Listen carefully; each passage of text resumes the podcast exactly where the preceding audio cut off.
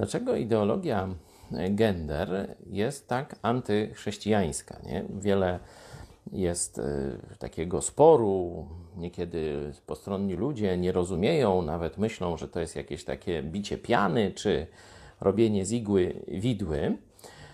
W rzeczywistości zagrożenie ideologią gender to nie jest, że ktoś sobie siusiaka tam mm, przekroi na, znaczy zmieni na co innego i tak dalej. To, to tam, że tak powiem, ludzie o różnych pomysłach zawsze się zdarzają.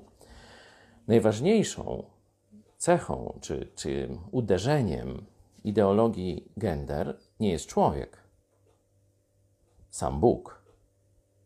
Ideologia gender, już to wiemy, że chce zniszczyć płcie. Nie tylko w rozumieniu ludzi, ale nawet w języku. Już w niektórych momentach, w niektórych urzędach nie można mówić mama, tata, na przykład we Francji, w Austrii to już zaczyna się dziać, pewnie też i przyjdzie do Polski. Czyli z jednej strony jest to zaatakowanie Bożego projektu płci. No bo kto dał płeć? Jeśli ktoś wierzy, że się ugotował w prebiotycznej zupie, no to nikt.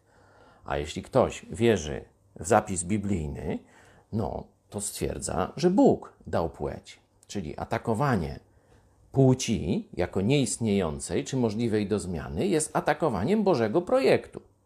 Ale atakowanie też ojcostwa jako czegoś odrębnego od matczynych powiązań jest uderzeniem w ojcostwo samego Boga. Zobaczcie, w liście do Efezjan mamy taki oto werset, trzeci rozdział, wersety 14-15. Apostoł Paweł. Dlatego zginam kolana moje przed Ojcem, od którego wszelkie ojcostwo na niebie i na ziemi bierze swoje imię. Gender chce zniszczyć ojcostwo. Ojcostwo bierze początek od Boga. Gender atakuje wprost Boga.